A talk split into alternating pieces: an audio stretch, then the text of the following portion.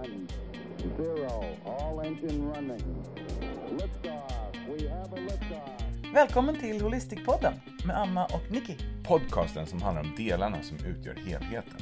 Det här är din feelgood podd som du kan ha i fickan och lyssna på när som helst. För den är både utbildande och full av feelgood, hopp och framtidstro. Ja, verkligen. En pocket coach liksom. Ja, helt Det- suveränt. Jag ja. tror målet är väl att man ska få en riktigt skön och bra känsla av att lära sig mer Mm. om vad man kan göra för att verkligen greppa läget och må bättre. Mm, verkligen.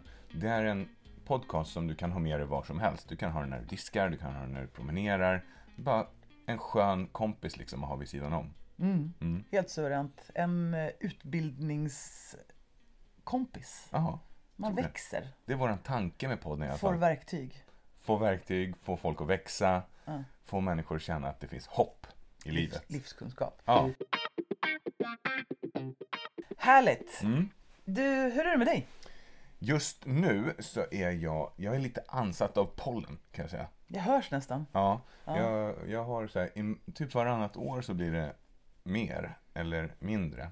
Det är otroligt intressant. I år är det så mycket pollen så det är galet åt det. Nu, Är det? Ja, men när det har regnat och det är helt gult överallt. Har du inte sett det? Jo, men det är väl alla år. Nej, ja, inte på det här sättet tycker jag. Utan det är ganska mycket just nu och jag har hört många patienter och klienter som faktiskt har besvär av det. Mm. Men för, förutom det så tycker jag att det finns väldigt många, det finns mycket ljuspunkter. Man Vad- kan ju vad- välja att fokusera på det. Alltså det Vad kan, fokuserar du på just nu? Just nu, Hur ser dina dagar ut just nu? ja, just nu är mina dagar lite mer strukturerade än vanligt. Mhm. Ska jag berätta varför? Jag gör det. Jag träffade en coach, hon heter Anna Tramontana, Ja. för någon vecka sedan. Mm.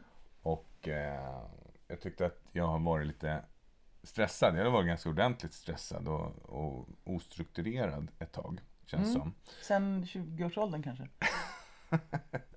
Ja, men jag har väl min släng av lite olika saker. Som gör att jag har eh, inte lika lätt att hålla struktur och ordning. Så verkar det vara. Mm. Bara nu i morse så var det ju först så att du hade tappat bort Zoom-utrustningen igen. Inspelningsutrustning till podden. Ja. Mm. Nej, jag hade inte tappat bort den. Jag, hade bara inte, jag kommer inte ihåg vart jag hade lagt den. Mm. Ja, men det är också spännande egentligen. Mm. Jag kan inte nämna hur många gånger du har glömt bort var du har lagt saker. Nej, inte, jag kan inte heller komma ihåg eller nämna hur många gånger jag har glömt Nej. lagt bort saker. Nej. Men, men så kan det ju vara. Mm. Så då försöker jag hjälpa dig lite grann med Ja, just det. Det du gjorde. Strukturen. Ja, och det, det här är väldigt intressant och jag tror att det är nyttigt för många. Det var ju så här basics, att eh, vi gick igenom, okej, hur ser din vecka ut? Ja, med arbetsveckan har jag hyfsat bra koll på, tänkte jag. Och så tittade vi på det här tillsammans, men du jobbar ju liksom hela tiden, har inga pauser eller någonting. Så, och det vi gjorde, det var så här att vi satte, jag satte ihop ett schema utifrån det du coachade mig på, som innebar att jag har en mat och sovklocka i princip. Mm. Och jag har en eh, pausklocka, så att jag la in promenader på eftermiddagarna. Mm. Där man liksom normalt sett kanske dippar i mental energi, eller jag gör det i alla fall. Mm. Och sen även på lunchen har jag gjort- den strukturerad. Ja, vad in, vad, hur då? Ja, med att jag äter min lunch som Mm. jag tar med mig eh, hemifrån. Mm. Och sen så tar jag en powernap på 20 minuter. Med den här fantastiska appen som jag använder som heter Psiz. Du älskar den? Ja, P-Z-I-Z-Z. Mm. Den kostar lite pengar nu för tiden, men inte Jaha. jättemycket. Den kostar kanske 50 spänn i månaden. Det är nästan värt det för att det är magic. Ja, jag tycker det är magic. Man får en sån här sju dagars trial först. Mm. Vi är inte sponsrade av den, så ni, don't worry. Än. Än. Det säger man med allt. Så vi, alla sponsorer där ute som vill sponsra oss, Ja. hit us! Om ni har bra saker och bra, bra Yes. Mm. värderingar. Ehm, jo, och sen så då så bokar jag in träning. Mm. Och jag bokar in, som ikväll så har jag när jag kommer hem så ska jag plocka och förbereda för imorgon som är så här städdag. Mm. Och sen har jag även lagt in lite andra grejer på det här också. Men poängen är att jag har lagt in det i min kalender och jag har lagt in det i min bokningskalender. Vilket gör att, nej men det står ju där så måste jag göra det. Igår var ett typiskt sådant exempel. Jag skulle kunna ha tagit den här promenaden vid ett annat tillfälle. Men det står ju att jag ska gå 14.00 till 14.30. Så då gjorde jag det.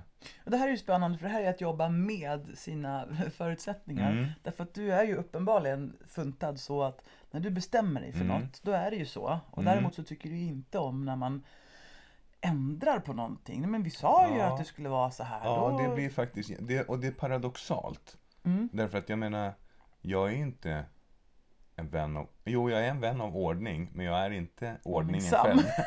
Så, Ja. och, och vilket är knepigt då, för att jag älskar ordning, Mhm. men jag har svårt att upprätthålla den. Mm.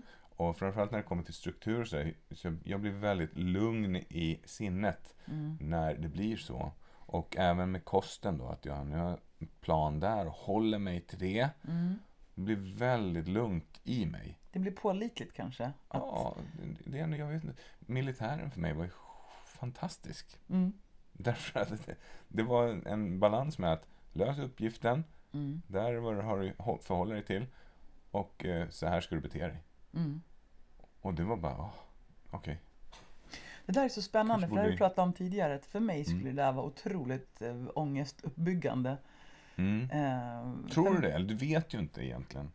Nej, men baserat på många saker som jag har varit med om så är det så här Ja. att när det finns en bestämd ordning och en bestämd plan som man ska följa, då vill jag alltid inte göra det. I en relation då så är det ju så Mm. här att för mig, hur tänker du att det blir för mig när du har eh, kaos? Det blir fruktansvärt dåligt blir det. Alltså det blir dåligt för alla därför att jag känner ju också av om jag kaosar på dig. Jaha. Ja, och då blir det ju så här att då blir jag stressad och eh, pressad av det. Och där kommer vi toucha in på det ämnet som vi har idag också som ska nämnas sen. Mm. Det är ju liksom att det, då, då är det svårt för mig att hantera det här och jag kanske håller alla de här bra, frustrationer och sånt inom mig och det blir liksom det blir kaos i min hjärna, helt klart. Mm. Och sen kan jag inte hantera det här. Då blir mitt beteende påverkat. Vilket påverkar även mina tankar. Eller ja, mina tankar påverkar mitt beteende. Ja, vad hur man nu vill ha det. Ja. Och det påverkar allt. Det påverkar mina relationer, det påverkar min fysiologi. Allt blir påverkat. Helheten blir rubbad. Det blir kaosigt. Ja. Ja. Ja, nej men jag, jag tycker, jag gillar att ha en, jag gillar att se över min kalender. Det gör det. Verkligen. Varje dag. Och jag tror att jag har lite lätt för det här med struktur och att ordna upp saker och ting. Det finns ju vissa saker som man bara behöver göra en gång per år. De kan man sätta upp i någon sorts årskalender. Sen finns det vissa saker som är återkommande varje månad. Mm. Och sen finns det vissa saker som är återkommande varje vecka. Mm. Och sen finns det vissa saker som är återkommande varje dag. Och det där tycker jag, så kan man tänka när man ordnar upp liksom. För att det mest stressande är när man ska hålla saker och ting i huvudet och gå och hålla de här bollarna hela tiden. Men om du får ner det i någon sorts kalender eller ordning i Mm. en, ett schema på något vis. Mm. Då vet du ju att nu har jag fått med allt. Mm. Och sen blir det ju lättare liksom att följa de här sakerna och veta och få ett lugn i att man ser fram emot en bra vecka. Mm. Jag kommer att klara av mitt jobb men jag har också planerat in träningen. Jag har också planerat in pauser Mm. så att jag vet att jag har en vettig lunchpaus där kroppen och hjärnan får vila. Mm. Och att jag har en eftermiddagspaus och att jag har planerat in tid för de här familjegrejerna du vet att man ska göra. Mm. Veckomeny och handla och städa och ta hand om Mm. barnen och det är läxtid och det är hunden och det är huset. Alltså det är Och det många är där grejer. jag måste chippa in eh, mycket mer också rent strukturellt och ordnat så att det blir synkroniserat med vårat gemensamma liv känner jag. Mm. Men det roliga var när vi det här var ju lite egoistiskt också att jag valde att coacha dig. Det förstår jag. För Det om förstod blir jag redan då. mer ordning på dig, då blir det bra för mig. Mm. Och om du är mindre stressad så är det jätte, jättebra. Mm. Så då började vi med att bara sitta ner och skriva ner allt. Och det här är Ja. så himla kul för Ja. då, då tog så här, men ta Och fram, in, inte helt ovanligt heller. ta fram ett papper och en penna sa jag. Mm. Ja, sa du. Så tog du fram ett papper. Och så pratade vi. Ett papper tog jag fram. Och så sa jag så här, har du skrivit ner det här nu? Nej, nej men gör det då. Ja, och så skrev du. Och så pratade vi, vad har du mer för någonting? Ja men, ja, men det är ju jobbet. Ja, ja vad är det mer än det då? Ja, jag vet inte. Fakturera. Ja, just det. Ja, vad är det mer då? Ja, jag vet inte riktigt. Ja. Mm. Ja, Mm. som ett pucko kanske. ja. kan- Elak och pucko sitter Ja, och coachar. ja, men så, Mm. så kom du på att man måste ju äta mat och för att äta mat så måste man ju laga mat och sen så, och sen så ramlade det ju på liksom. Det är ju Mm. mycket saker som man har på en vecka. Mm. Och så körde vi på ett tag, vad har du mer då? Ja men det är ju läxor och grejer. Ja vad har du mer då? Ja men det är, ja. Mm. Och så efter ett tag så säger du Nej men, men nu är pappret fullt. Nu går det inte mer. Exposa mina weak sides. Mm. Det är så fruktansvärt kul. Och så, vad ska vi göra då då? Ändå ganska smart tycker jag. Mm. Mm, det var Det var smart. Jag tyckte det var jättekul i alla fall. Mm. Ja, sen så fick du ta ett papper till och ett papper till. Och till slut har du fått med alla dina grejer som du skulle behöva få in i en vecka. Mm. Men det var på fyra papper. Ja, Ja. Och eh, ja, men det var, det var jättebra. Tack så jättemycket för bra coaching. det var lite Verkligen. roligt. Ja, så här tänker jag också. Det, på kort sikt Mm. så har det gett vissa resultat. Sen så är det så här, det här är någonting som måste växa in i mig till en absolut vana. Mm. Så att jag måste få till vissa strukturer, att liksom få dem att lyckas. Så att på söndagar har jag vissa grejer som jag behöver få till då. Och de måste liksom ske då, gång på gång på gång, tills det blir liksom rent, vad ska man säga, neuroplastiskt inrotat i hjärnan. Mm. Så att det, ja, men det, det är grymt. Det Och här har vi pratat om förut, att vanor, de kommer ju inte bara för att man skulle behöva dem. som med träning till exempel. Det är väldigt mycket så att när du ska sätta nya vanor så kommer det att uppstå ett motstånd. Och du måste forcera det här motståndet. Du behöver ta dig själv i kragen Mm. och göra, göra, göra tills dess att hjärnan, för hjärnan gillar det vi gör ofta. Mm. Så även om du börjar med någonting som du till en början då tycker känns värdelöst så kommer det efter ett tag att kännas som att det här var ju trevligt Ja. till och med. Och vi brukar säga 45 dagar. Mm. Men jag 45 tror att för mig så är det 45 veckor. Alltså jag tror på riktigt det. Jag måste hålla i Okej. längre för Jaha. att den här vanan liksom ska bli manifesterad. Ja, vad då för vanor till exempel? Nej, men att hålla den här strukturen till exempel. Ja men till exempel så har ju du börjat träna med Elias och Ja. han vill ju träna klockan 17 Mm. varje dag. Han är ju som en klocka ju. Mm. Och då går ju du med. Ja. Så det är det är ett sätt att få in bra struktur Ja. Och det är den här, i livet. den här buddy-effekten. Mm. Att liksom ha en buddy att träna med. Det är, det är väldigt, väldigt smart. Eh, jag kom att tänka på lite andra saker samtidigt som vi pratar här. Mm. Och eh, det som slog mig, det var ju det här att allt det här handlar ju om de så kallade exekutiva funktionerna. Mm. Och det är ju det som, om vissa människor, det finns en bok som, av Anders Hansen som heter Alla har ADHD. Ja, Och vissa kan vara mer eller mindre. den heter inte så va, egentligen. Vad heter den då? Ja men inte ordagrant, men skitsamma. Nej, okej. Skitsamma då. Var på skalan befinner du dig eller något sånt tror jag. Heter det så? Jag vet inte. Nej, men i alla fall. Det kändes inte helt rätt, men skitsamma. Ja, Ja, men fortsätt. anyway, så det är liksom ett spektrum. Man kan ha Ja. mer eller mindre symptom. yes. Och då, det betyder att ju mer symptom du har, desto mer utmanande är de exekutiva funktionerna, det vill säga dina beslutsfattande funktioner som du har. Mm. Och, och i det här läget, när man blir stressad, Mm. då blir de här utmanande hos alla. Mm. Ja, just det, den heter fördel ADHD. Var på Skalan skalan ligger du? ligger du. Ja, Ja. just det. Alla har ADHD. Mm. Ja, Och, och då, då är det så här, då är det jättebra för att i det läget så är det jätteviktigt med den här strukturen. Därför att då kommer de exekutiva funktionerna kunna vila och arbeta mer effektivt. mm. Och dessutom då med förbättrad sömn, förbättrad träning, förbättrat näringsintag Mm. så kommer det här liksom att påverka helheten. Mm. Så Det är vad vi vet det, just nu. Ja, och det är vad vi vet om mig just nu. Så hur har det varit, hur, har, hur är det med dig och hur, hur har det varit för dig senaste tiden? Ja men sen jag coachade dig så har det blivit bättre. Nej, jag skojar. Jag skojar bara. Ja, Eh, Hörru du, i själva verket så är det ganska bra. är det det? Ja, jag tycker det. Ehm, det blir ju tjatigt att säga att det har varit en tuff period. Men eh, det har det ju faktiskt varit. inte det då? Nej men jag behöver ju vara ärlig. Jag Ja. gillar att vara ärlig. Eh, och för första gången på länge, Mm. eftersom att det har varit människor som har ryckt ifrån oss och det är en process som tar tid, det kan man ju vara ärlig med. Ja, det kan man vara ärlig med. Ett sorgeår är inte något påhittat. Nej. Utan det finns ju verkligen. Det var ett år av sjukdom och ett år av sorg. Och det blev ganska tydligt så att plötsligt så känns det som att det går an. Mm. Jag brukar ta våran hund på en hundpromenad. På tal om saker som man vänjer sig vid. Ja, Jag har alltid tyckt att promenera eh, är tråkigt. jag med.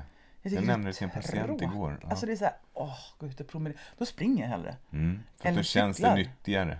Ja, men jag Eller? vet inte, jag tycker att det har varit roligare. Men Mm. jag fattar ju att det är för att jag har gjort det så mycket som jag tycker det är roligare. Mm. Men nu när vi har skaffat hund så blir det ju promenader och då kommer man hem och oavsett hur det är så tar man hunden, sätter på kopplet och så går man ut genom skogen ner på fältet. Mm. Och det här har blivit en ny favorit. Mm.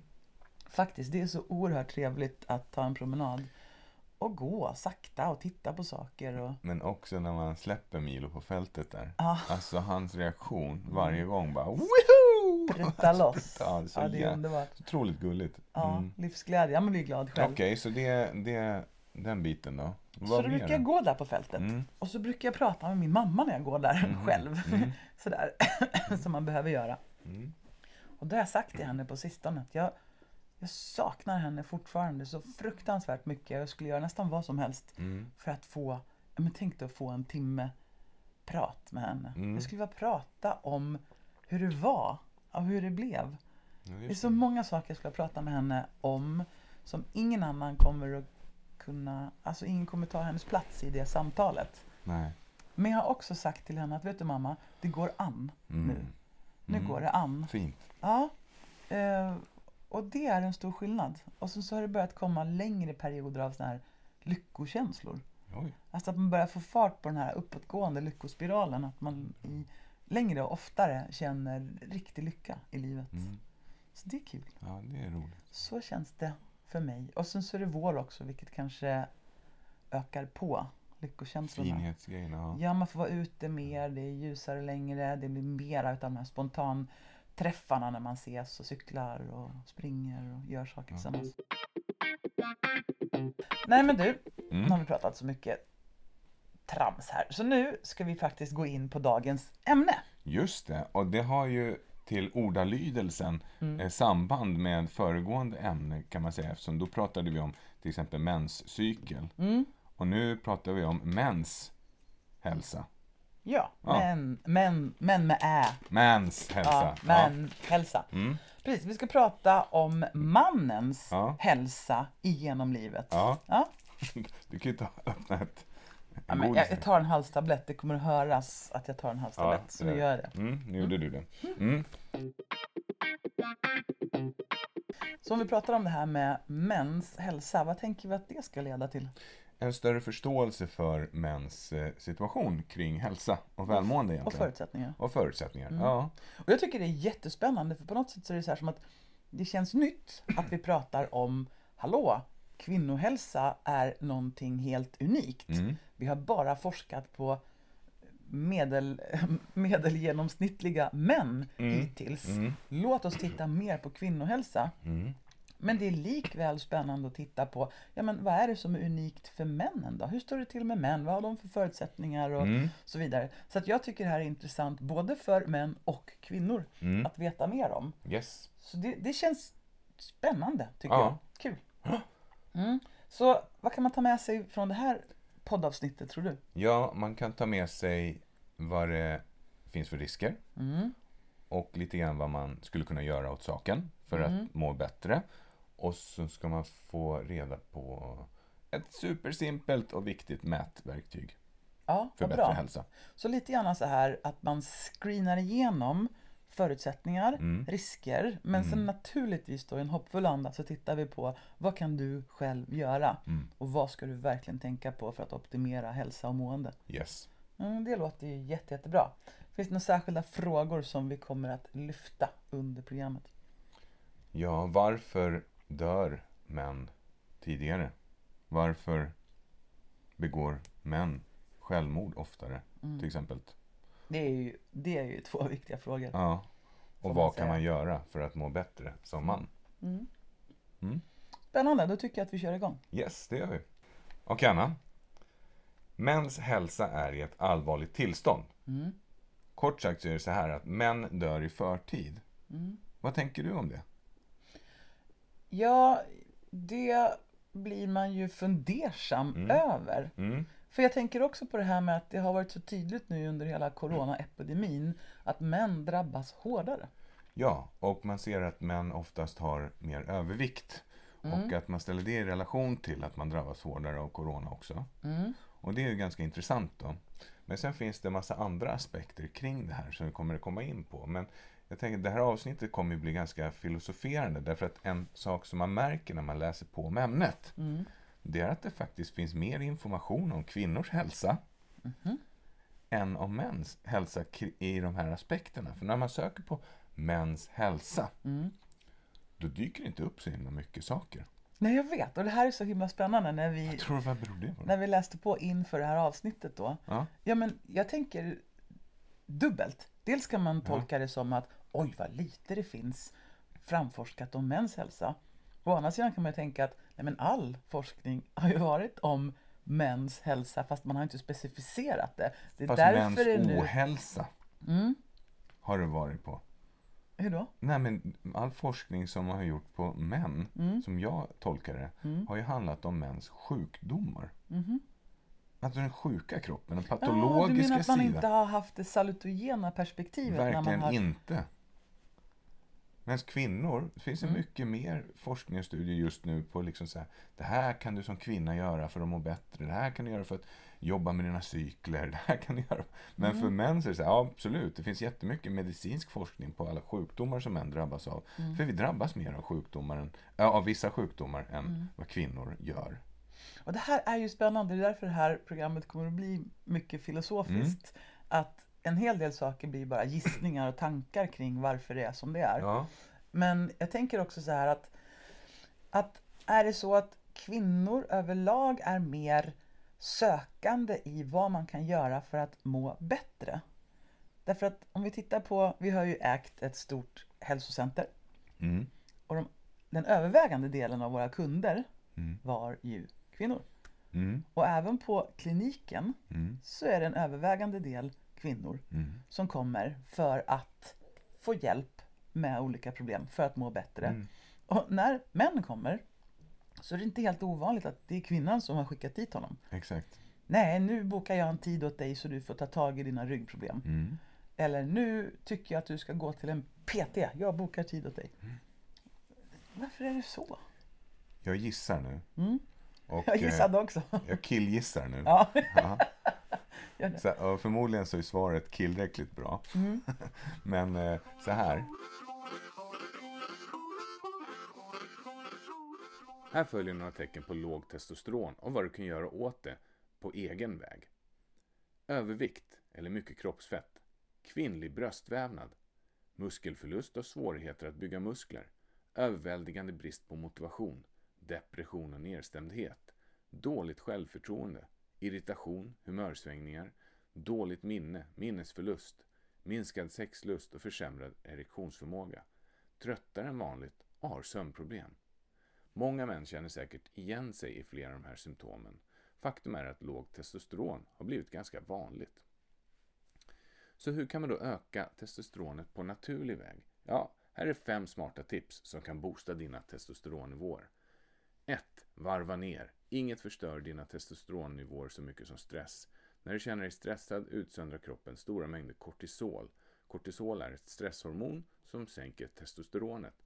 För människor som lever en stressad tillvaro är vila extra viktigt. Gör saker som hjälper dig att gå ner i varv i slutet av dagen.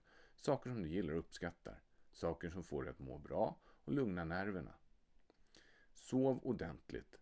Bra återhämtning optimerar dina hormonnivåer. En av de mest kritiska sakerna för din återhämtning är din sömn. Sover du tillräckligt? Eller kan du sova bättre än vad du gör i dagsläget? Det är under sömnen musklerna växer. Och det är då kroppen behöver eh, hormonerna för återhämtning och muskeltillväxt. Sömnbrist har visat sig sänka människors testosteronnivåer. Sömnbrist utsöndrar inte bara mer kortisol, vilket sänker testosteronnivåerna. Det försämrar även din impulskontroll och ökar sötsuget.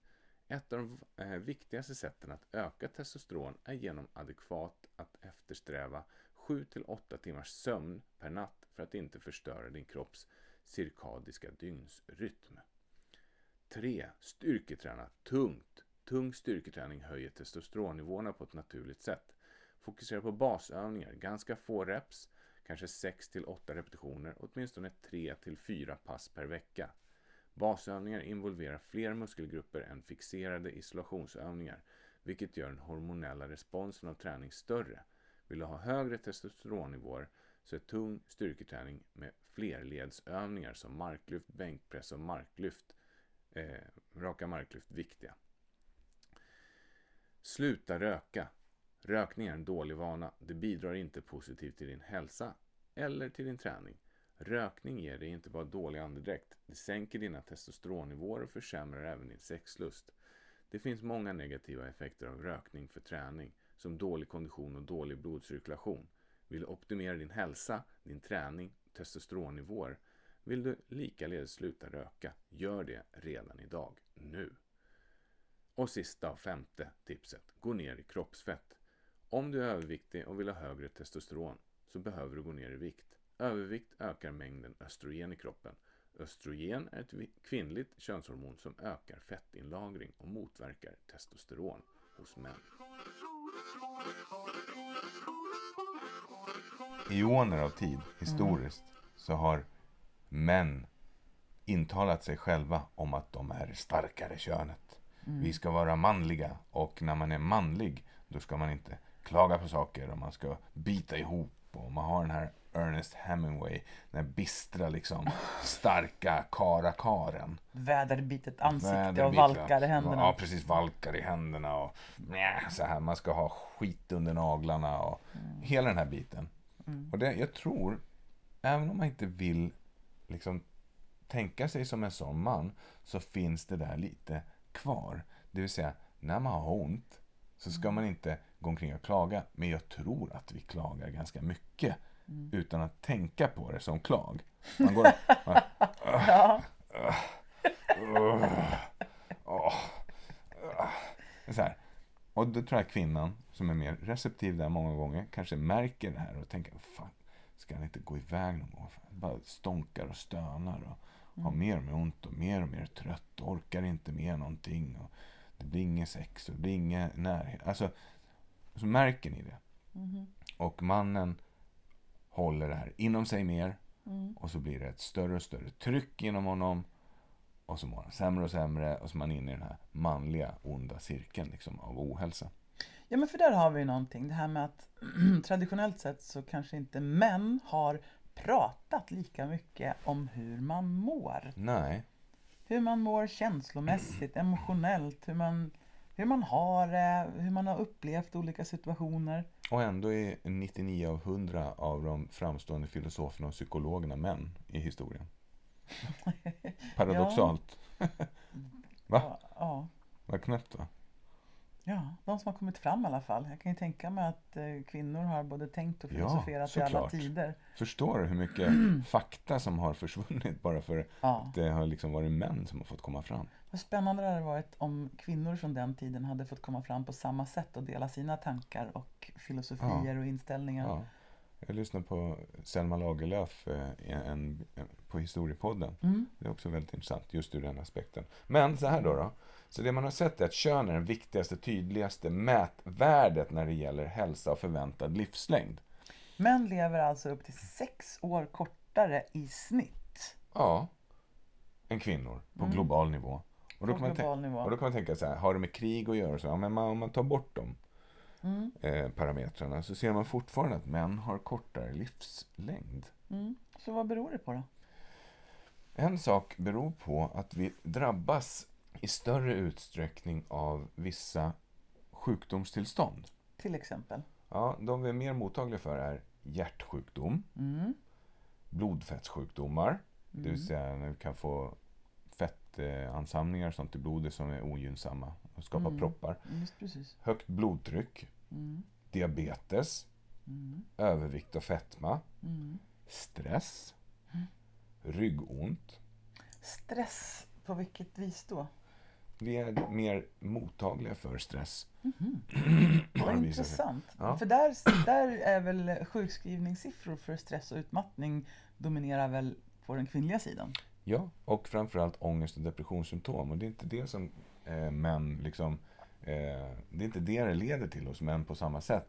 Utan Det stress, somatiserar alltså, man får somatiska sjukdomar. Ja, men sen kommer nästa då. Efter stress, ryggont, vikande sexuell förmåga, alkoholrelaterade besvär. I den ordningen. Och det är ju så här. Okej, vad leder stress till hos män? Jo, det leder till att det inre trycket ökar och vi pratar oftast inte om det. Vi har svårt att prata om känslor många gånger. Och det här leder ju till då att vi somatiserar i form av till exempel huvudvärk eller ryggont. Vi får ont i kroppen helt enkelt. Och Lite kan man ju säga att den, den stress som man inte tar upp, tittar på och pratar om och liksom släpper på har en tendens att sätta sig i kroppen. Det ser vi ofta på kliniken. verkligen, Där ryggont och huvudvärk och ont i axlar och skuldror dominerar för Ja. just stress, eh, somatisering. Och så måste man lyfta det där ämnet så småningom. Det andra är då, vikande sexuell förmåga. De allra, allra flesta män som lyssnar på det här, eller flesta kvinnor som lyssnar på det här, har förmodligen stött på en man som inte har kunnat få, eller tappa erektionen till exempel under sexen. Man har inte klarat av att genomföra akten. Därför att eh, se, eh, stress är förödande ur den aspekten. Och när det sker hos en man så eh, är det jävligt jobbigt. För mannen oftast. Ökar eller minskar det stressen? Det ökar stressen enormt. Därför det blir lätt en låsning i psyket. Att, oh, och nu får, hoppas jag att det inte här ska hända igen. Oh, bara det inte händer och jag ska tänka på allting annat. så händer det igen. Och då är, då är man inne i en psykologisk spiral liksom som aldrig verkar ta slut. Okej. Så att eh, det, det som män behöver göra där, det är ju att liksom jobba på, på stressreducering, ta hand om sig och liksom komma, komma i bättre shape helt enkelt. Hur Det- vanligt är det då med sån här sexuell dysfunktion? Ja, sexuella dysfunktioner finns ju ganska många av, men om man pratar om erektion Just precis. så är det ju ändå man kan säga väldigt vanligt eftersom det är, de här undersökningarna är ju, det är, inte det är inte alla män som vill erkänna det heller. Nej, jag menar det. Jag tänker Jag mycket tror att de allra det- flesta, jag har nog aldrig pratat med, jo kanske någon gång med någon om att det har hänt. Men man, det nämns ju inte. Nej, det, det är precis jag tänker det. Så det blir lite svårt att få fatt på hur vanligt det är. Däremot kan vi läsa det ofta i böcker, beskriver den situationen i romaner och sånt. Att Mm. ja, ja, det gick inte och det gick inte att genomföra. Så, så det, det, senast eh, här, igår så lyssnade jag på eh, Fiendens fiende, Carl Hamilton. Nej, inte han också. Jo, men Carl Hamilton, till och med Carl Hamilton har ju sexuella dysfunktioner. Det tycker jag ändå är bra att vi får ett ansikte på det här med att det inte funkar jämt. Nej? Mm. Erektionsproblem. Carl Hamilton. Om det kan hända honom kan det hända alla. Ja, det kan hända honom. Och det har hänt mig också. Mm. Ja. Men jag tycker att man skulle vilja ge en stor klapp på axeln till alla jag män tänker som ändå att inte har vi fått ändå upp har den någon tre gång. barn. Och, eh, Ja men ändå, så här, att det, det måste ju vara jättejobbigt att ha den pressen på sig att det alltid ska funka. alltså, det finns en sån här pinne som ska stå rakt ut liksom från kroppen och så gör den inte det. Det är jag är ganska så tydligt. glad. Jag personligen Ja. är så glad att jag inte har en snopp. Ja. Jag Ni, måste bara säga det. Det är Ja. kul för dig att du har en. ja, och ni kan säkert fejka massa olika saker, men det är svårt att fejka ett stånd. Liksom. Exakt! Mm. Man kan ta ett blått piller. Ja, jag vet. Nej, vet du vad? Ja, det kan man göra, men det kräver också att man ska vara... Eh, att man ska ha... Vad heter det? Att man ska vara sexuellt upphetsad. För Ja. att det ska funka. Annars går det inte. Nej. Och då, då är det jobbigt. Har du tagit pillret? Japp, det händer inget. Fast- Bummer. Fast om du inte är sexuellt upphetsad och inte får erektion men ändå tar ett piller, då kan man ju undra varför hela fridens namn man gör att man det. vill tillfredsställa den andra kanske. Så, men vad Men jobbigt, då måste man kunna ha lite mer fantasi än... ja, vad, vad jobbigt det blir då liksom att, nej, in, trots att jag har tagit det här pillret händer det ändå ingenting. Ja, fast det finns ju fler verktyg att använda än... Anyways, det som jag skulle komma till då, Mm. Eh, att då är det så att många tar till alkohol till exempel, eller andra droger för att hantera eh, stress. Ståndet? Ja, men ja, det är ju också så här, det är, det är ju ingen bra kombo. Nej, Nej. Vinballe och så vidare. fan. Jag kan bara tänka mig vad du har för ord på det där. Vi ska inte ta det nu. Men, ehm, och det är ju en väldigt dålig sätt att hantera stress på. Så att hantera stress med alkohol, det som händer när man dricker alkohol, det är att kroppen direkt, på första klunken kommer reagera på toxin. Alltså nu har det kommit in ett gift i kroppen. Nu har det kommit in ett gift i kroppen och vad gör kroppen när det kommer in ett gift i kroppen? Den avstannar alla andra processer och sätter prio på att rensa ut giftet. Mm. Och den höjer då beredskapen genom att utsöndra kortisol och adrenalin. Och det är ju våra kända stresshormoner. Ja, precis. Ja, Så, så, samtidigt som hjärnan får en skön känsla av att slappna Ja, av så ja, ja. kommer kroppen att jobba stenhårt för att få ut giftet ja, genom att höja stressnivåerna. ja, och ju mer du dricker desto mer gift får du i kroppen. Mm. Och då att använda alkohol som avstressande medel, Mm. det är helt bananas. Är det här vanligare hos män än hos kvinnor att man använder alkohol som nervarvningsmedel? Det är nog mer känt hos män, Mm. tror jag. Jag tror att det småsups lite här och var i Sverige faktiskt. Ja, hos, i alla. Ja, så att jag, jag tror att det här småsupandet är ganska utbrett. Eh, jag tror dock att män eh, är mer tydliga i det. Mm. De dricker oftare och det blir mer tokigt då. Mm. Dessutom Mm. så leder ju de här sakerna, de, alla de här eh, sjukdomarna eller tillstånden är ju Mm. mer eller mindre livsstilsberoende. Ja, det är klart. Ja.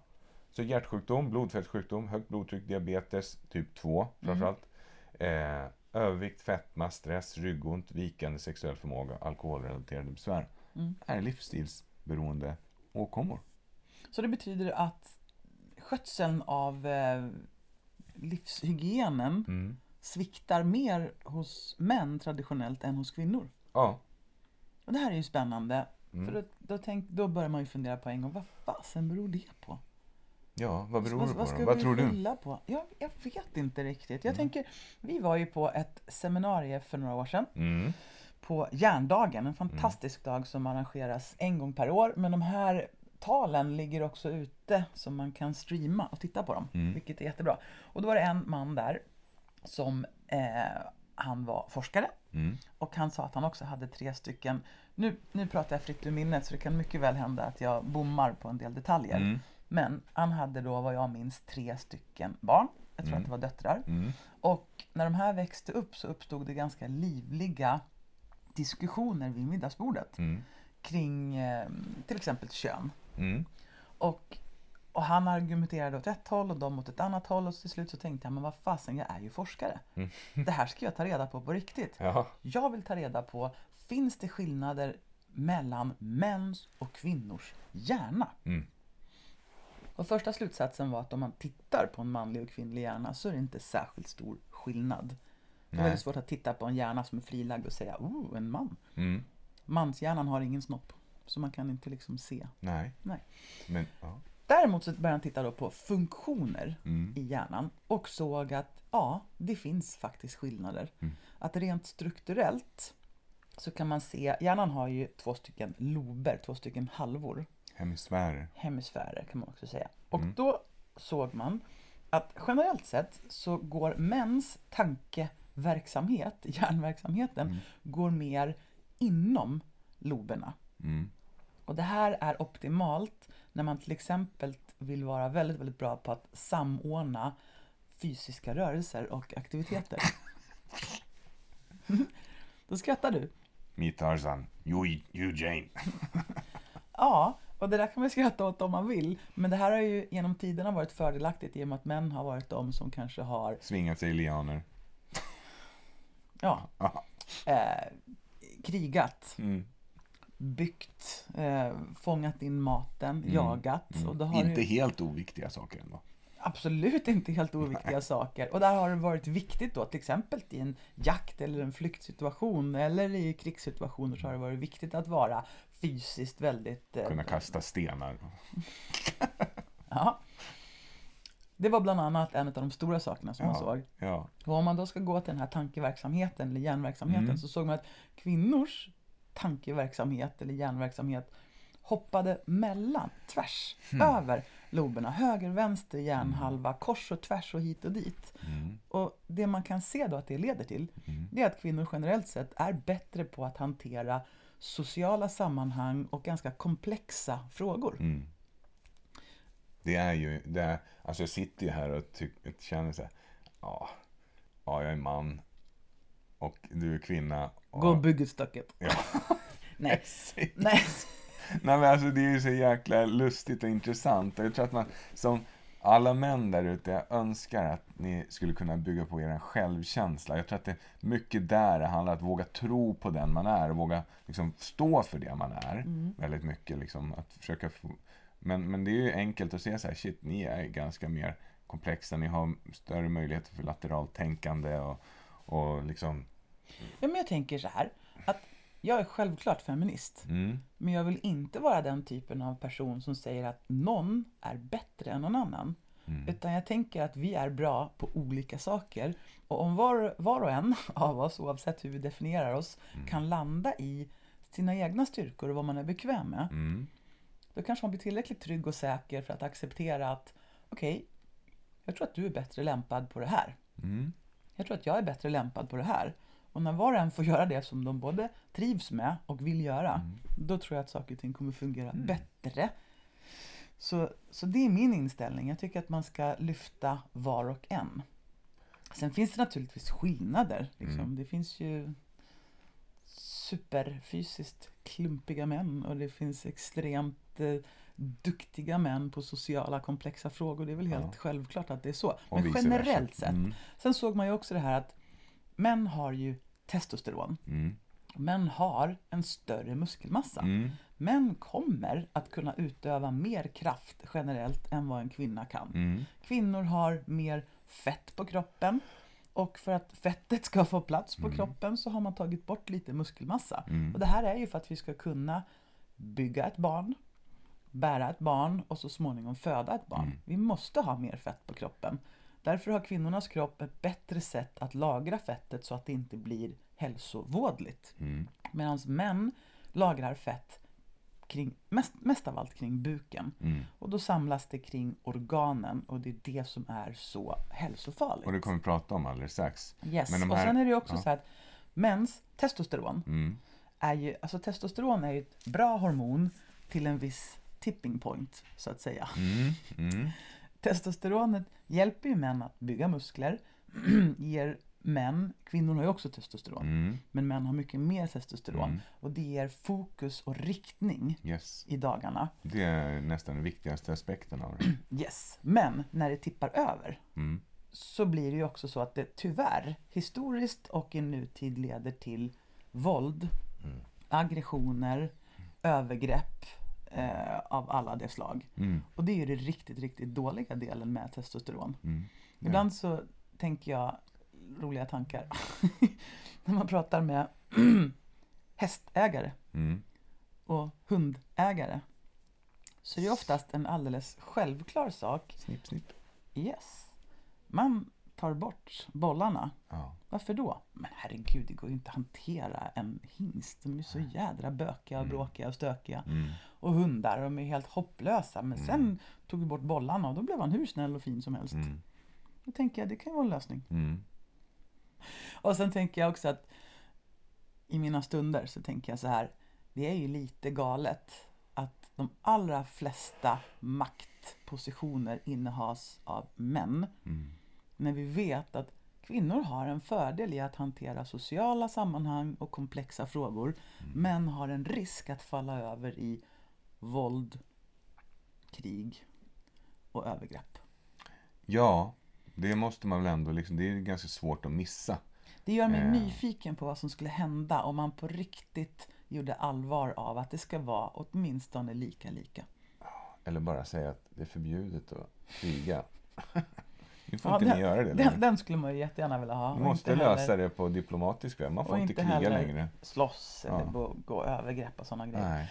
Nej men så det här är lite intressant och utöver det så är det ofta så att män generellt sett har lite mer hår på kroppen. Mm. Både här och var.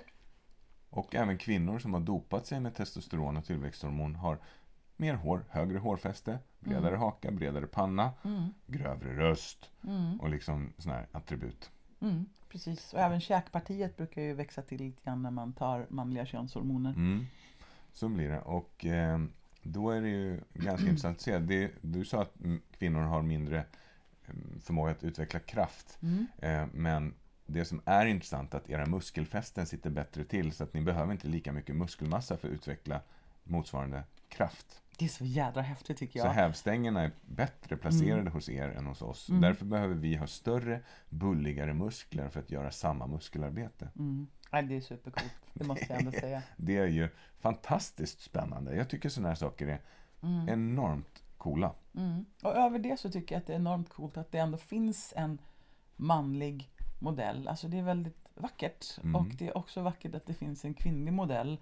Och det här med att vi som människor tror jag är lika.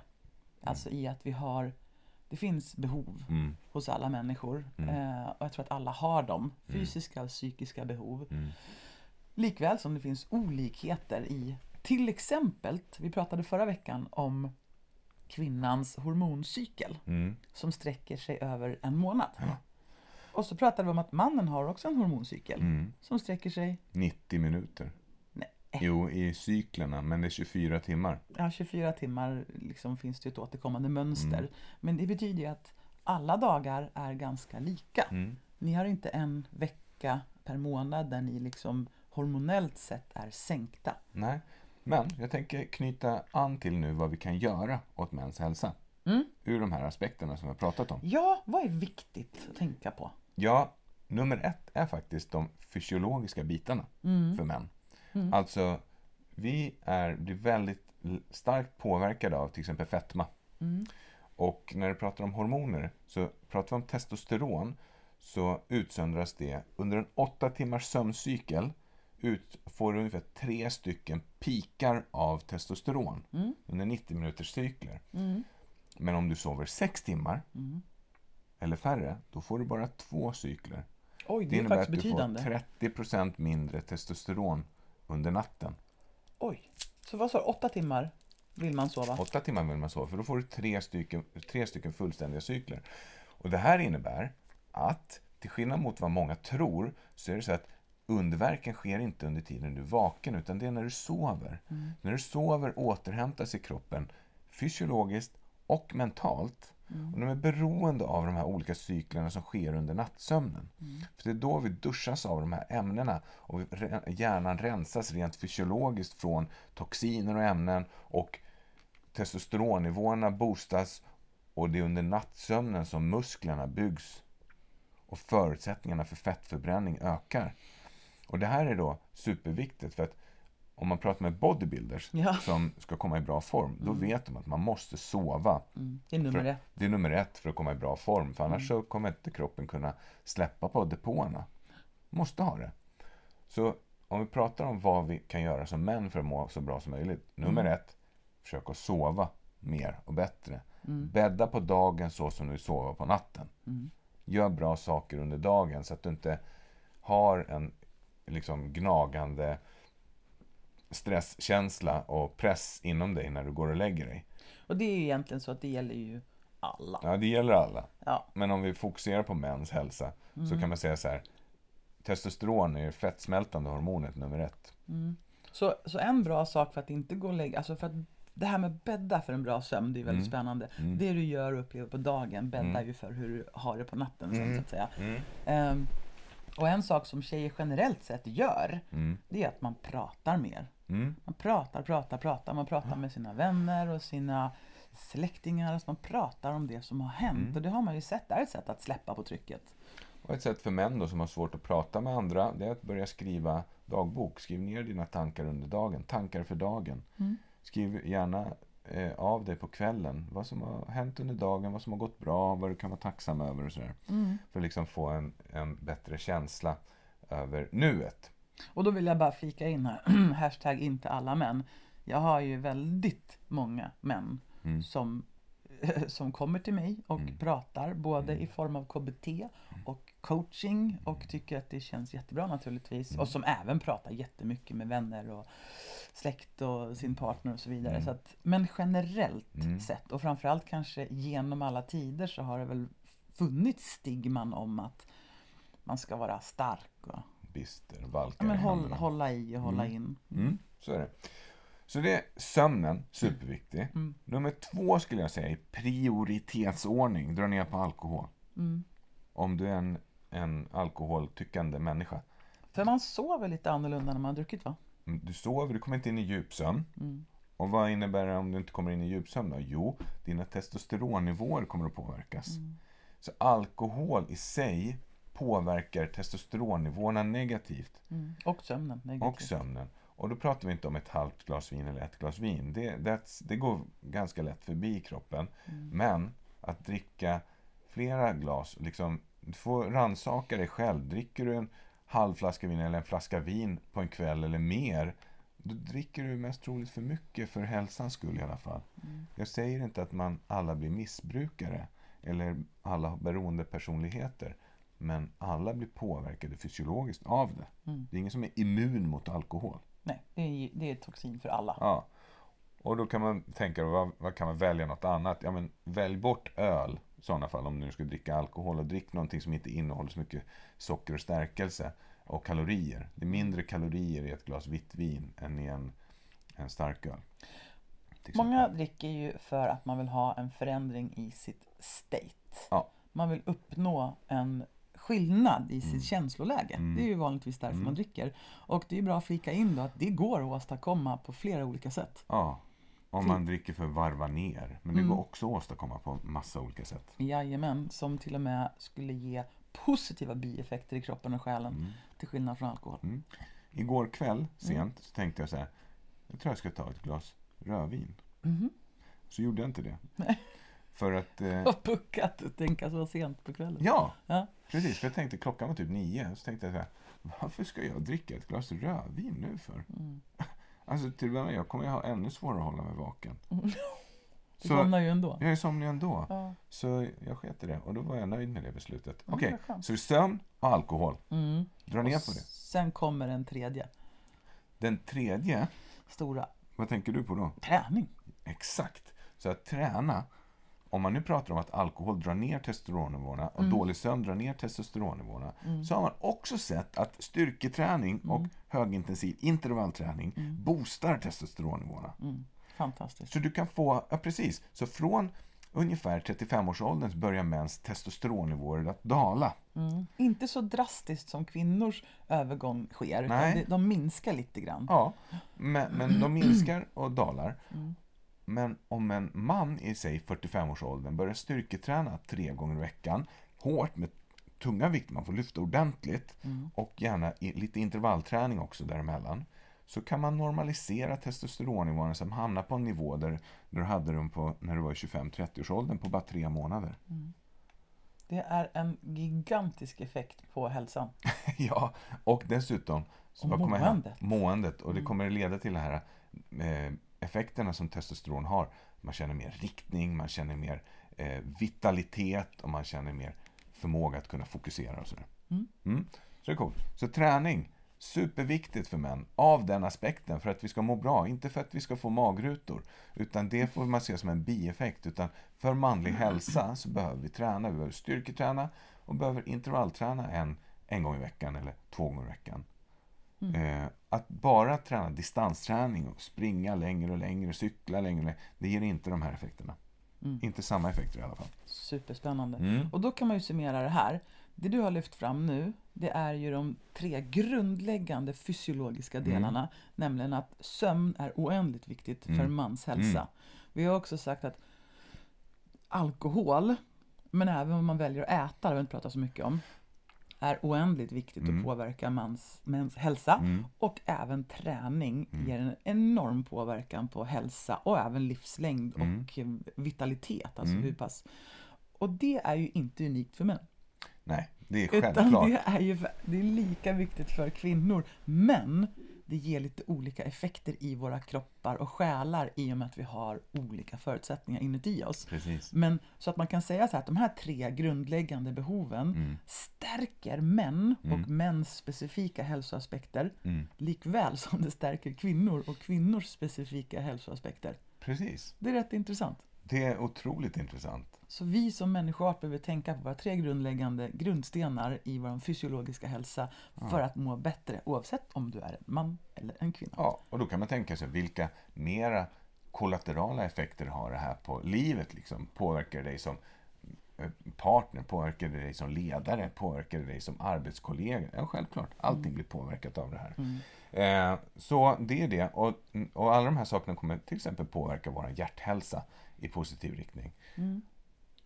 Den fjärde biten är Yes. kosten. Där kom det. Ja, så kosten är superduperviktig. Om man tittar på vad män ofta mår bra av så är det att äta ren och bra mat. Vi behöver bra med proteiner, vi behöver lagom med fetter och vi behöver inte så himla mycket stärkelse och kolhydrater. Så att dra ner på socker och stärkelserika livsmedel innebär att vi får en bättre balans på vårt blodsocker, vilket gör att risken för att drabbas av diabetesliknande eller metabola syndrom minskar. Vi behöver också protein för muskelmassa. Jag pratade med en, en klient igår där vi räknade upp att ja, han får i sig ungefär 50 gram protein per dag och han har tappat jättemycket muskelmassa senaste tiden. Så här, det är inte så himla konstigt. Ja, men han hakade på en diet som hans eh, eh, tjej håller på med just nu. Ja, du, säger, du behöver få i dig åtminstone 50 gram till per dag. Minst 100 gram för din kroppstyp. Så man kan säga generellt sett för en man behöver ungefär 1 till 1,5 gram protein per kilo kroppsvikt för att må så bra som möjligt. Mm. Vi ska inte gå in så mycket på själva teknikaliteterna med kosten. Det kan vi göra ett annat avsnitt. Ja, så minska stärkelserika livsmedel, minska eh, socker, dra ner på socker och snabba kolhydrater. Ät bra rena proteinkällor och se till att du får i dig grönsaker eh, varje dag för att liksom få i dina mikronutrienter som i sig kommer att påverka hormoner och så vidare. och så vidare, och så vidare. Där blir man ju nyfiken. Är det så generellt sett att om man backar lite grann i tiden så kan man tänka sig att det här med grönsaker och sallad, är det någonting som liksom män brukar... Nej, de är ganska dåliga på att äta just de bitarna. Det är ju så jävla konstigt egentligen. Jag fattar inte. Man har en inre bild av att tjejer oftare prioriterar att äta sallad. Men det är också lite... Det kanske inte är så längre. Nej, jag tror inte att det är så längre. Men man tänker bakåt i tiden när man var liten själv sådär. Så var det väl en klassiker att mammorna åt sallad för att de ville banta. Så kan du höra. Det kommer på 80-talet. Hur bra det var. Så för att sammanfatta det här, vad är, vad är en, vikt, en, en superviktig grej som du behöver ha koll på som man? Det är fettet inuti magen. Okej. Hur kan man mäta det då? Jo, då kan man mäta det eh, på ett sätt som jag ska berätta snart. Men det har alltså en viss betydelse på var på kroppen fettet sitter. Ja. Säga, har du Feta vader, är det okej? feta vader är helt okej. Feta underarmar är också okej. Men, men, Truckerarmar. truckar. Så, men däremot är det sämre för hälsan att ha fettet runt magen än att ha mycket fett runt höfterna. Det gäller även för kvinnor till viss del, men, men kvinnor blir inte lika påverkade av det som män blir. Fettet som ligger innanför den så kallade bukhinnan och runt organen inuti magen kallas för bukfett. Eller visceralt fett. Och det är det här fettet som vi måste få bukt med. För att det ligger och trycker och stryper och kväver långsamt våra inre organ till döds. Bukfettet är en annan sorts fett än det ytliga fettet som ligger under huden. Det är mer ohälsosamt och ökar risken för sjukdomar som till exempel diabetes typ 2 och hjärtinfarkt. Stress, Hjärt-kärlsjukdomar överlag. Ja. och stress och oregelbundna matvanor och äta för mycket socker eller snabba kolhydrater då kan göra att det här bukfettet ökar. Och det är ju tokigt då. El- eh, Så, så att ta, ta det här, de här tipsen, det tillvar, ta tillvara på de här tipsen så kommer du få ett väldigt mycket bättre mående ganska så snabbt. Och det här är ju lite vanskligt då, att det är lite grann den här kokande kitteln. Att i 20-årsåldern så kanske man är i toppform. Mm. Och sen utvecklas livet och man kanske hamnar i en situation där man eh, skaffar familj, man kanske behöver jobba lite mer, det kanske blir lite fler fredagsmys Mm, och lördagsmys. Ja, precis. Och så växer sig den här magen på. Mm. Och det kommer ju inte plötsligt, så därför reagerar man inte över hur långt det har gått. Nej, Förrän det har gått ganska så långt och det börjar bli svårt att knäppa skjortan och såna här saker. ja. Det man kan göra då, det, vi har ju dels det här testet när man ligger ner på rygg.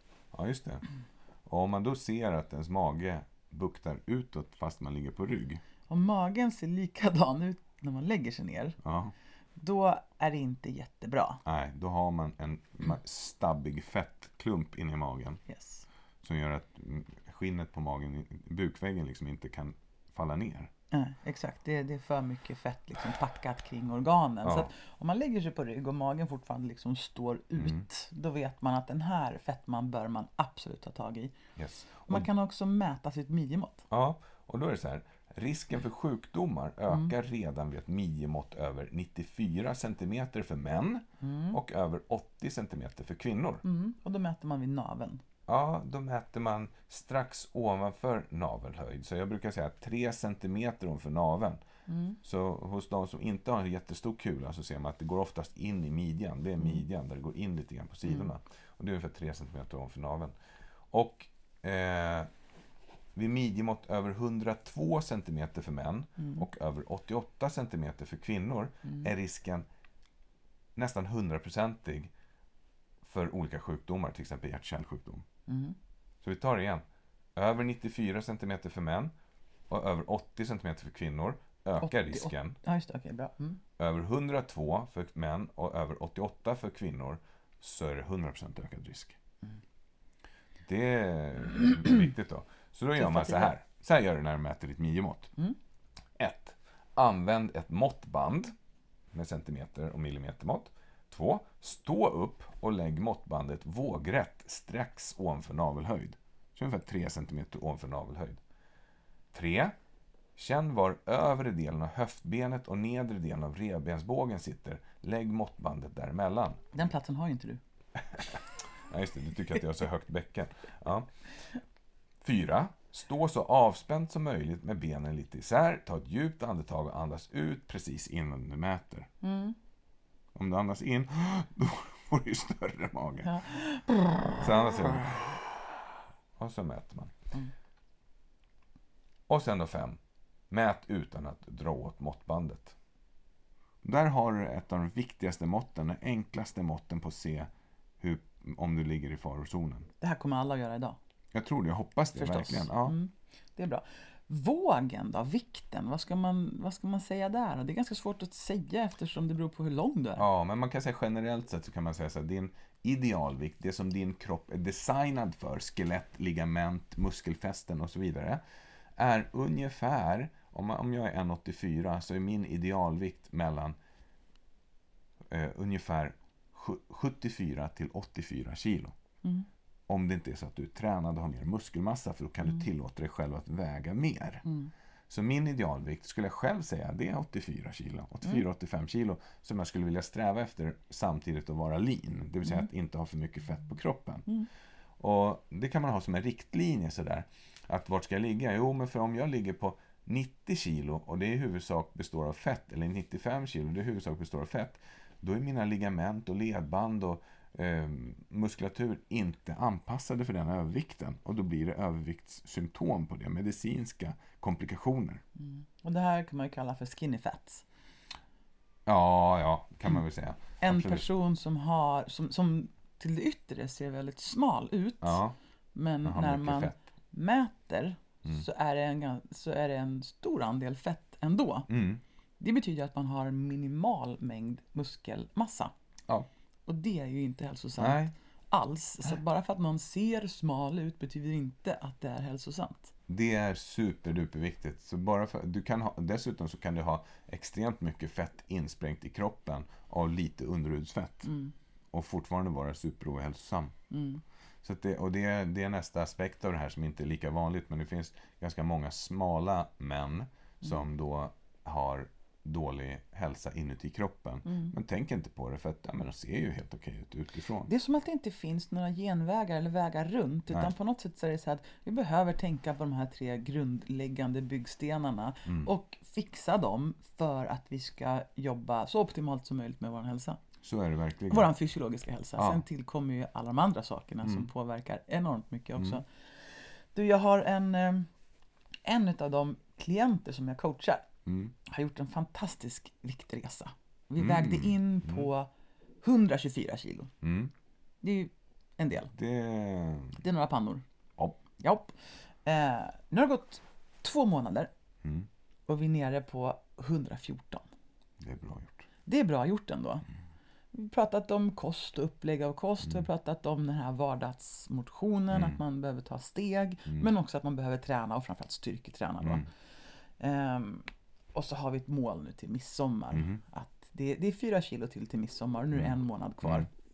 Och det har ju gått jätte, jättebra, men jag sa att du behöver öka lite grann nu för att nå målet. Ja. Så gick han hem.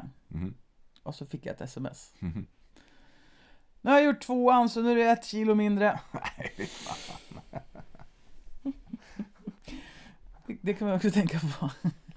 Stora män gör stora korvar. Okej, usch. Ja.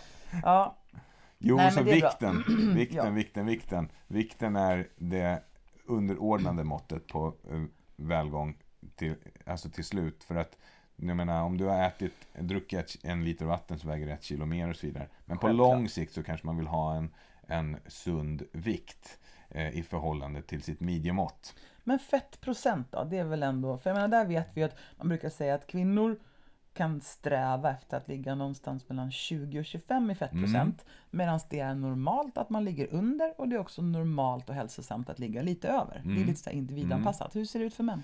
Är det också 20-25 Nej, där? man kan säga generellt sett så är det ungefär 5% mindre. Så Mm. 15 till 20, 15, runt 15, 16, 17, 18 procent. Där är det hälsosamt för män att ligga. Mm. Och vill man vara lean, alltså så här vältränat eh, fett, Slimmad lite mer. slimmad lite mer, runt 12 procent. Mm. 12. Men, och kommer du under 12 Mm. så brukar man generellt sett säga då krävs det väldigt mycket av en att hålla sig under 12. Mm. Alltså runt 10 procent. För en norm, gemene man Mm. så är det svårt att hålla sig under längre tid därför att det krävs så himla mycket. Sen är det vissa som liksom ligger där hela tiden. Som din, eh, min svåger, din brorsa. Mm. Han har ju liksom alltid haft lite underhudsfett. Mm. Och så. så att, eh, ja. Och min Förutom också. han var en liten rultig bebis. Ja, då hade, då hade han mer. Mm. Nej, men så det, fettprocenten är ju en bättre måttstock på hur, hur saker och ting ligger till. På Mm. kroppen i alla fall. Så om man ligger på 25% som man, hur liksom är det i hälsotal? Nej, men det är inte optimalt därför att vi, vi har ju inte naturlig fallenhet för att lagra fett på de yttre depåerna som kvinnor kanske lagrar på höfter och bröst och så. Så när vi ligger på 25% då är det ganska mycket fett. Mm. Och många gånger så lagrar vi det kring magen och bålen och i Mm. organen. Mm. Ja. Om, man får, om man får bröst som man då? Ja, nummer ett så om det är gynekomastonomi, vad heter det? Ja, alltså du kan ju få eh, på grund av östrogenansamlingar i kroppen kan du Mm. få eh, bröst. Mm. Men sen kan du få fettbröst Mm. också. Mm. Chipstuttar? Chipstuttar. Ja. Precis. Och det är väl det är ingen fara i sig. Nej, okej. Nej. okej. Så, så det, det kan man ha liksom utan att... Eh, I alla fall för ens egna personliga hälsa, men för relation, relationell hälsa kanske inte är optimalt. Fast det är ju orättvist ändå. Så, så, så tjejer får ha tuttar men inte killar. Lite så. Mm, Mm. Det tycker jag är Mm. Mm. All right. Du, jag Mm. tycker vi ska ta och runda av lite Ja, grann. verkligen. För att det var så här att idag så vill vi prata om mäns hälsa. Ja. Och eh, det tycker jag att vi gjorde. Mm. Och jag tycker det var intressant Mm.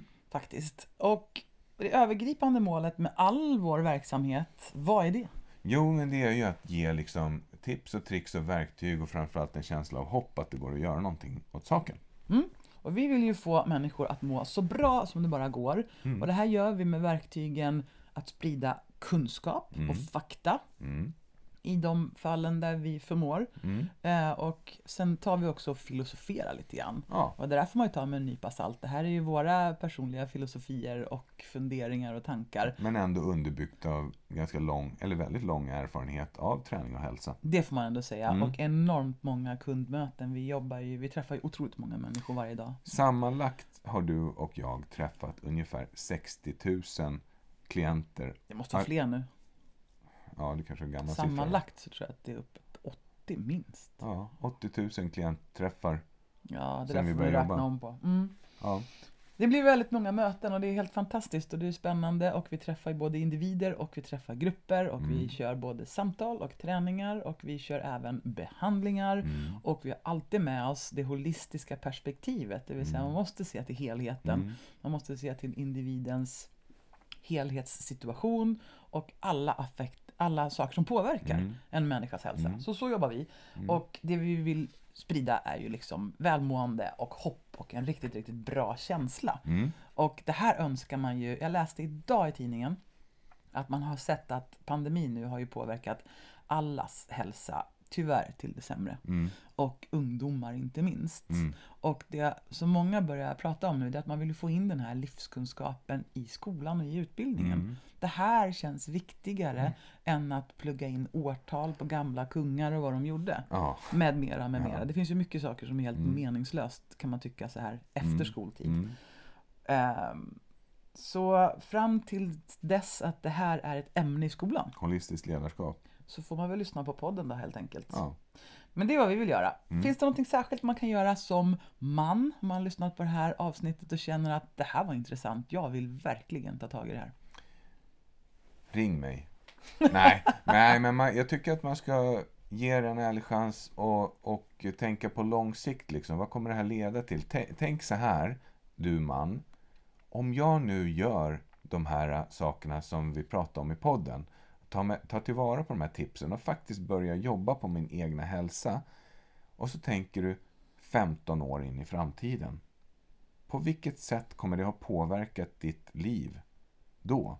Eh, Och så tänker du tvärtom. Om du inte gör någonting alls nu, du bara fortsätter sunka ner dig. Hur kommer det vara om 15 år? Ja, förmodligen kommer din livskvalitet ha sjunkit drastiskt. Så gör någonting hellre än ingenting. Hellre ungefär rätt än exakt fel. Och här kan man också flika in de här sakerna med att ta hjälp för Farao. Alla borde någon gång under sitt liv gå till en personlig tränare för att få personligt anpassad hjälp och inspiration och pepp och push med sin fysiologiska hälsa. Sen tycker jag att alla människor någon gång under livet borde gå och prata med någon. Kanske känns det bättre för dig att gå till en coach som kan hjälpa dig att strukturera och hitta en vecka som man kan gå in i som känns bra och hoppfull och ändå känns att man har koll på läget. Eller så vill man gå till en KBT-terapeut och prata lite djupare, lite mer djupgående om livet och vad man har varit med om och skulle önska få vara med om. Ja, och vi har ju en produkt som heter Holistisk coaching. Det innebär att vi utgår ifrån våra modell och tar tag i alla de här aspekterna under själva coachingsamtalet. Så det, är ju ett, det kan man ju både göra online och man kan göra det på plats hos Och oss. offline. Offline också. IRL. LOL. Sen kan man ju ta tag i och kolla sitt midjemått faktiskt. Ja. Lägga sig ner, kolla hur det ser ut på magen. Flyter den ut åt sidorna eller står den rakt ut? Mm. Kolla midjemåttet för att se, är det, är det bråttom att ta tag i saker och ting? Ta på dig ett par gamla jeans som du hade för tio år sedan. Dra på dig dem och feel the pain av att inte få på dig dem. Och sen så tänker jag att de här ska jag ha på mig om ett halvår. Ja, Det är bra. det är bra. Ehm, ja, vi gillar ju alla människor och vi hyllar både likheter och olikheter. Vi tänker ju att det är likheterna som förenar oss, men det är olikheterna som gör oss unika. Och alla ljus behöver skina i sin unika låga. Och ju fler människor som inser det, desto bättre tror jag att vi kommer må individuellt och kollektivt. Ja, Så är det. Verkligen. Så nu har vi pratat om lite specifik kvinnohälsa. Vi har också pratat specifikt mer om manshälsa. Det är jättespännande vore det vara att höra Och hur det att till och här... med Carl Hamilton har erektionsproblem. Det tycker jag känns hoppfullt. Jag skulle, jag, jag skulle tycka att det är fint Ja. och bra. Um, återkoppla gärna och berätta vad ni tycker och tänker om det här. Om vi ska prata mer om män och kvinnor och likheter och olikheter. Och generellt, kom gärna med önskemål om ämnen och sånt som ni har, som ni vill, som ni vill ta upp. Så pratar vi gärna om det. Det är kul att liksom interagera med er lyssnare och höra vad ni har för funderingar. Vi har ju en massa spännande ämnen i pipen som jag kan inte ens vänta på att få ut de här grejerna. Men igen, hör av er får vi se om vi tänker samma. Ja. Ett av ämnena som vi mest troligt kommer beröra snart, det är vårt immunförsvar. Ja, fy fasen vad det är häftigt. Det ska vi prata om, därför att när man förstår vad vi går omkring och bär på varje dag, då Mm. blir man lugn och stolt, Yeah. tycker jag. Så vi ska Vi prata om immunförsvaret som vi har. Eh, vi ska också djupdyka i ämnet ångest, Yes, vilket är superspännande, jättevanligt och väldigt hoppfullt, ska jag säga. Och Mm. framförallt naturligt. Ja, så är det ju verkligen. Mm. Men nu vill jag gå och jobba. Yes, det tycker jag du ska göra också. Det ska jag göra. Ja. Ja. Och du gör det så himla bra. och Och så fram- du med. Du med. så du, vi säger så här. Hej då! Hej då! Och som vanligt så kan ni följa oss på sociala medier. Följ oss gärna på Instagram, formholistic. Eller på LinkedIn, Formholistic Leadership. Kan också följa oss på Facebook, på Formholistic. Gå gärna in på vår hemsida, www.formholistic.com. Och vill ni komma i kontakt med oss så kan ni mejla oss på kontakt at formholistic.com alternativt på våra respektive namn Nikola med K at formholistic.com eller Anna at formholistic.com.